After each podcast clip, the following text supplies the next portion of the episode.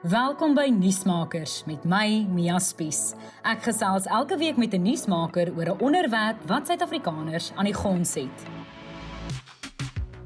Die Britse monarg koningin Elizabeth II word maandag ter ruste gelê nadat sy verlede week op die ouderdom van 96 oorlede is. Sy was meer as 70 jaar lank koningin van die Verenigde Koninkryk en vir 10 daarvan was Suid-Afrikaners self ook onderdane van haar tot ons republiekwording in 1961.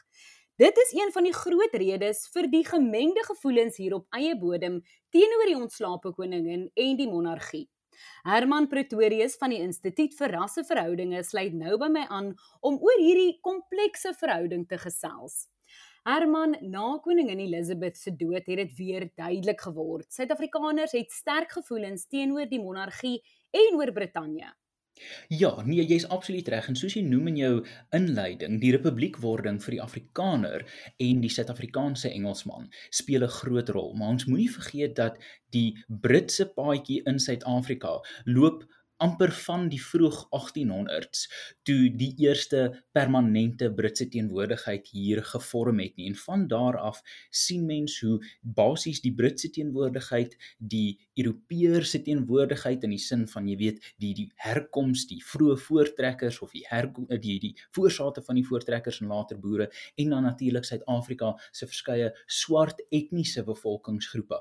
Almal van hierdie groepe het op 'n stadium konflik wat dan dan definieer tot 'n groot mate hoe die geskiedenis van die afgelope 2 eeue loop en as ons daaraan dink my ouers een generasie gelede um is gebore as onderdane uh van van koningin Elisabeth. So dit is op 'n manier lank terug in ons geskiedenis, maar ook nogals iets relatief onlangs. Ons weet dan natuurlik, vir my lyk dit as ek nou so op sosiale media kyk, die teenkanting kom van daai mense wat kwaad is nog wat van die Anglo-Boereoorlog hier 120 jaar gelede strek daai woede, maar dan ook meer onlangs. Ons weet byvoorbeeld die EFF het in 'n verklaring gesê, gesê enige iemand wat koningin Elizabeth die tweede vier moet weet hulle vier ook kolonialisme. So dis regtig verskeie groepe waar hierdie teenkanting vandaan kom.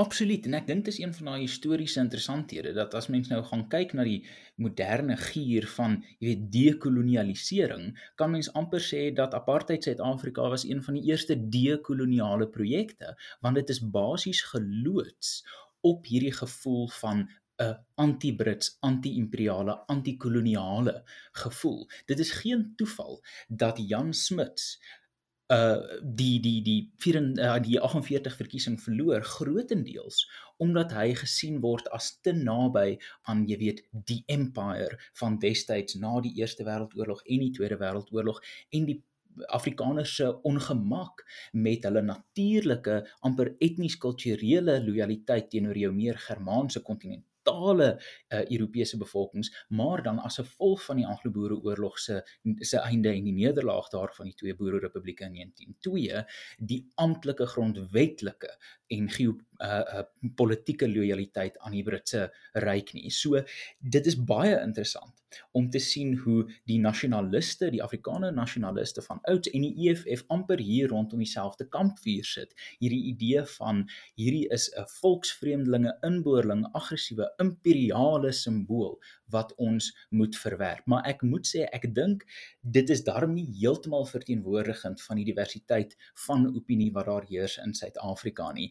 En die koloniale uh, argument dink ek is vandag aansienlik swakker as wat hy was met republiekwording, jy weet in die middel van die 20ste eeu, veral omdat koningin Elisabeth se heerskappy die uh, totale uh, dekonstruksie van die Britse ryk basies gesien het van 'n verpligte militêre mag of militêr geleide uh, samevlansing van nasies na 'n vrywillige gemeenebes van nasies waaraan selfs lande soos Rwanda en Namibië wat nie ooit Britse kolonies was nie wil behoort. So daai idee van oppositie teenoor hierdie Britse imperiale monarg is ongelukkig vir die EFF nie iets wat hulle mee vorendag gekom het nie. Hulle kan dalk na die jy weet die Afrikaner nasionalis van die 20ste eeu gaan kyk vir hulle inspirasie, ironies genoeg. Dis nogal ironies dat dit juis hierdie onderwerp is wat hierdie twee baie uiteenlopende groepe nou uiteindelik iets het wat hulle in gemeen het. Herman, soos wat jy nou genoem het, die oorgrootste meerderheid en sentiment hier in Suid-Afrika is wel 'n hartseer dat koningin Elizabeth oorlede is. Haar lewe word ook gevier. Wat dink jy is dit van Suid-Afrikaners wat ook hulle so lief maak vir koningin Elizabeth? Ek bedoel sy is deel van ons almal se lewens so lank as wat ons kan onthou. Ons het groot geword met hierdie monargie wat amper soos ver langs 'n familie voel. Ja, daar's mos 'n uh, navorsing wat wys dat die koningin uh die persoon is wat in meeste mense se drome voorkom reg oor die wêreld. Um die een enkele persoon oor wie die meeste mense in die wêreld droom en dit is maar omdat sy hierdie simbool is en die die Britse ryk, die die grootste ryk geografies gesproke in die geskiedenis van die wêreld, jy weet die son het nooit gesak op die Britse ryk nie, het tot vandag toe 'n baie baie sterk kulturele invloed selfs op die Afrikaner of hy dit wil weet of nie. Ons is dalk etnies, jy weet, 'n bietjie Duits, bietjie Frans, maar kultureel in ons uitkyk in die samestelling van ons samelewing is ons op 'n manier erg Brits. En dit kom maar van hierdie gevlegte geskiedenis. En ek dink wat deel vorm hiervan is ook die die feit dat ons is maar net een of twee generasies uh verby die monarg uh, koningin Elisabeth as jy weet die, die of die Britse monarg as monarg van Suid-Afrika. Dit is altyd vreemd om te dink sy was die laaste monarg van Suid-Afrika. So dis natuurlik die die onlangsheid daarvan is belangrik, maar ook ek dink die mens intrinsiek het 'n begeerte na 'n tipe grondwetlike simboliek en ons kan dalk 'n bietjie later daarna kyk, maar ek ek ons sien hoe die idee van 'n 'n 'n grondwetlike bestel sonder 'n koning, sonder 'n kroon 'n baie meer onlangse verskynsel is. Die mens loop al histories 'n baie langer pad met die idee van konings en koninginne as daar sonder. Jy's op daai noot Herman, baie mense sê dit is die idee van 'n monargie is argaïs en verouderd. Daar is ook ehm um, bespiegelinge dat dit moontlik kon uitgesterf het nou of begin minder relevant raak met koningin Elizabeth se afsterwe en koning Charles III wat nou daar die kroon dra. Dink jy dit is argaïs of dink jy dit gaan ja, dit gaan dit gaan nog vir baie lank saam met ons wees? Weet jy as ek as ek 'n so tipiese ontwykingsantwoord kan gee, ek dink dit is argaïs, maar ek dink ook dit gaan nog lank met ons wees. Um en dit baseer ek op 'n paar goeters, maar dis baie interessant dat net gister of eergister het YouGov in Brittanje 'n meningspeiling uitgebring oor uh die vraag sal koning Charles 'n goeie koning wees. En dan kyk mense oor die afgelope paar jaar en daar's 'n konstante middel 30s persentiel daarso wat sê ja, middel 30s persentiel wat sê nee en dan die res so tussen 15 en 20% afhangend wat sê um, of of nee 30 goed 30 ek weet nie en dan die die res wat sê nee en nou met die eerste peiling wat gekom het na die dood van Elisabeth sien ons dat 'n groot gros Britte het eensklaps oorgeskuif na ek weet nie of Charles 'n goeie koning sal wees nie na Ja, ek dink Charles sal 'n goeie koning wees. En dit wys maar net die simboliek van so 'n posisie is baie baie treffend. En die 15% van Britte wat glo Charles gaan nie 'n goeie koning wees nie, korrespondeer losweg met die 15% uh van Britte wat republikeine is, wat in elk geval nie saamstem met die idee van monargie en die voortsetting daarvan nie. Maar die argaïstiese aard van die monargie moet ons nie laat dink dat dit outomaties 'n uitgediende konsep is nie. Op 'n manier is die familie en die kerk vreeslike argaïstiese uh samelewingsinstellings. Ons moet eintlik gaan kyk dink ek na die waarde wat so instelling toevoeg. Ons kan die waarde van die familie duidelik sien. Mense kan dalk uh, uh, die waarde van 'n kerklike omgewing of 'n geloofsomgewing uh, betwis, maar ek dink meeste mense sien die waarde daarvan raak geen om waar hulle op die geloofsspektrum sit nie.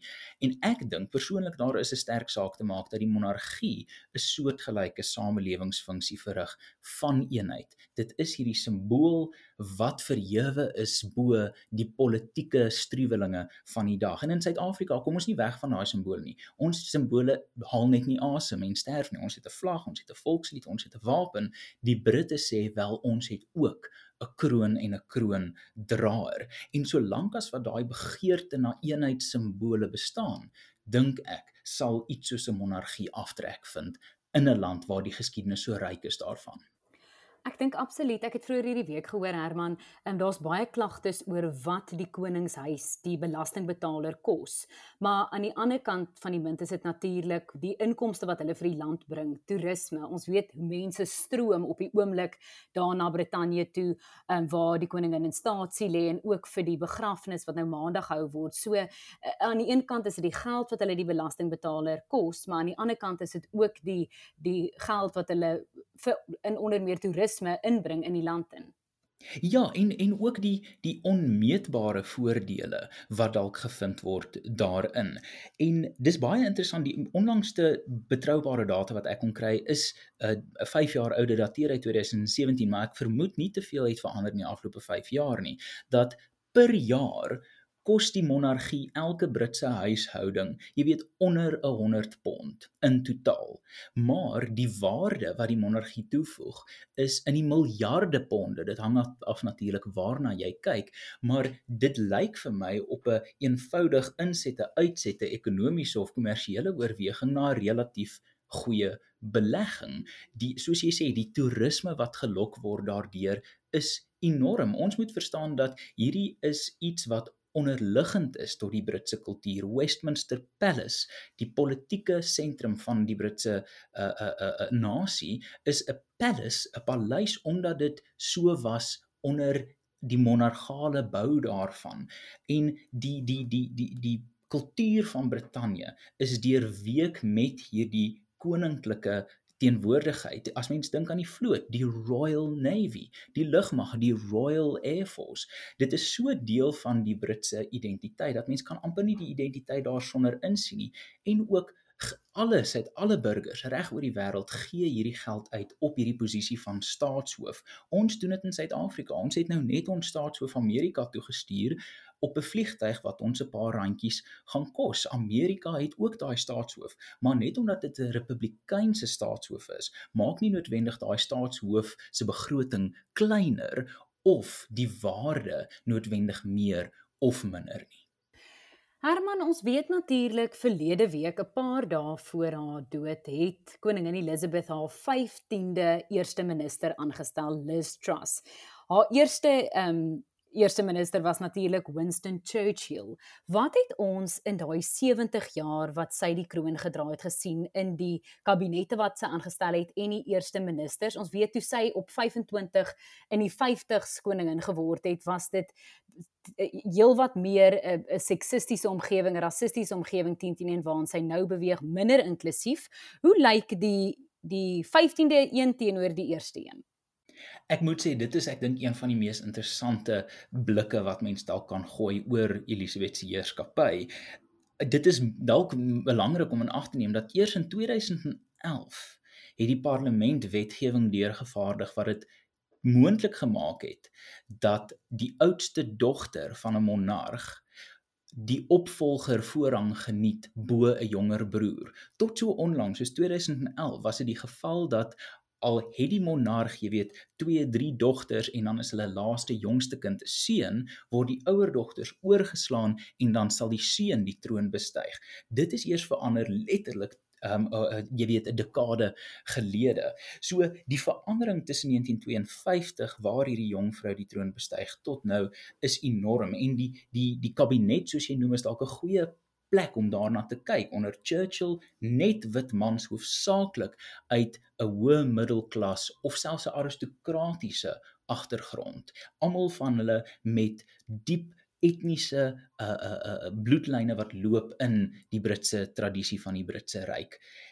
Vandag die laaste eerste minister Liz Truss, as mens gaan kyk na die vier groot uh uh kabinetsampte, die sogenaamde Great Offices of State, sien mens uh, in die eerste ministerrol 'n vrou, in die uh, minister van finansies rol 'n swart man, in die minister van buitelandse sake rol 'n swart man en in die rol van minister van binnelandse sake 'n vrou van Asiëse afkoms. So die verandering daarso op die politieke terrein en die verteenwoordigheid daarvan en hoe onkontroversieel dit was is dink ek een van daai stille suksesse van hierdie nuwe Elisabethaanse tydperk. En ek wonder of sy dalk stil stil tevrede daarmee was dat sy nie op 'n basuinerige manier hierdie verandering gebring het nie maar dat sy in 'n diep seksistiese patriargale samelewing ingetree het skaars 30 jaar nadat vrouens die stemreg gekry het in Brittanje en vandag het sy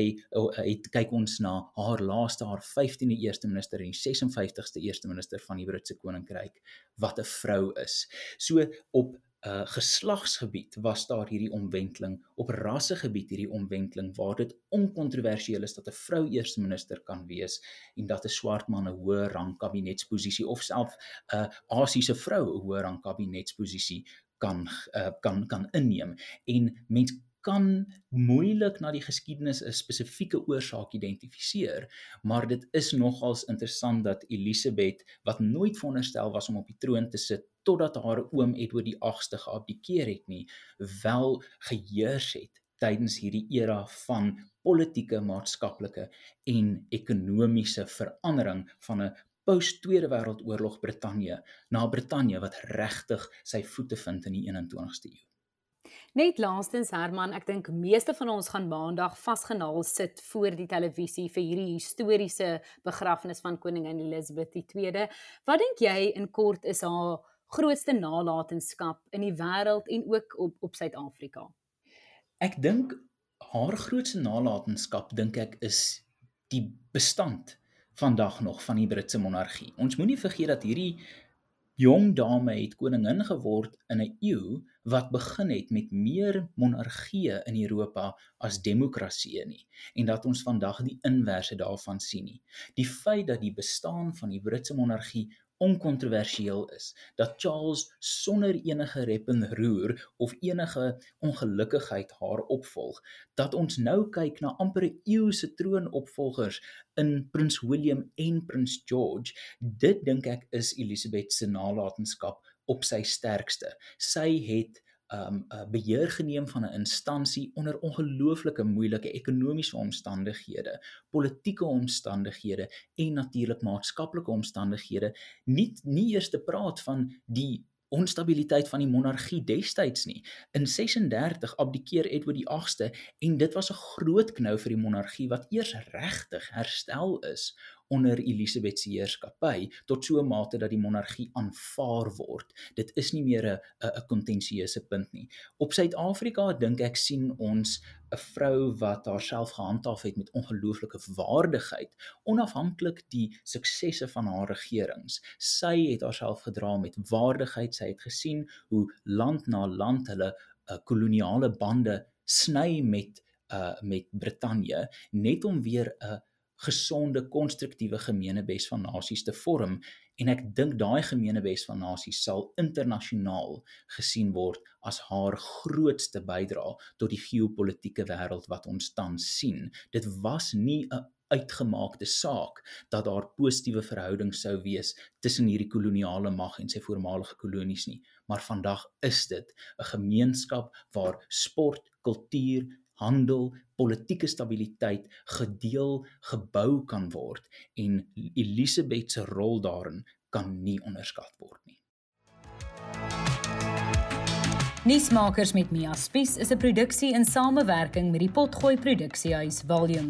Ons vervaardigers is Roland Perolt en Kairen Blau.